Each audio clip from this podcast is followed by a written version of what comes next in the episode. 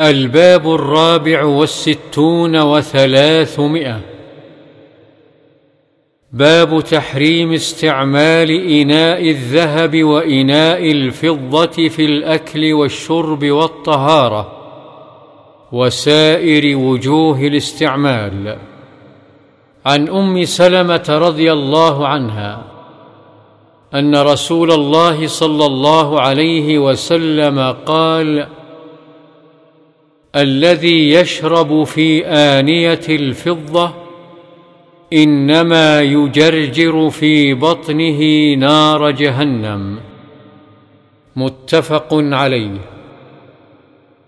وفي رواية لمسلم إن الذي يأكل أو يشرب في آنية الفضة والذهب.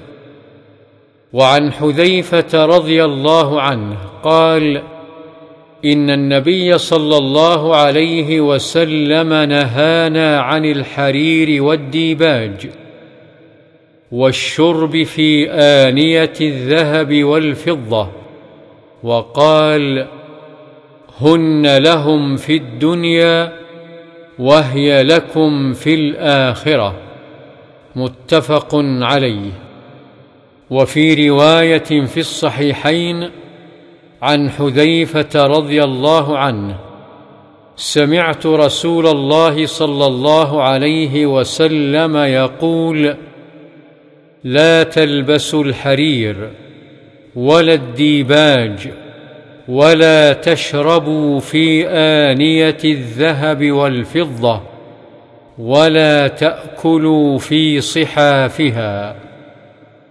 وعن أنس بن سيرين قال كنت مع أنس بن مالك رضي الله عنه عند نفر من المجوس فجيء بفالوذج على إناء من فضة فلم يأكله فقيل له حوله فحوله على إناء من خلنج وجيء به فأكله. رواه البيهقي بإسناد حسن. الخلنج الجفنة.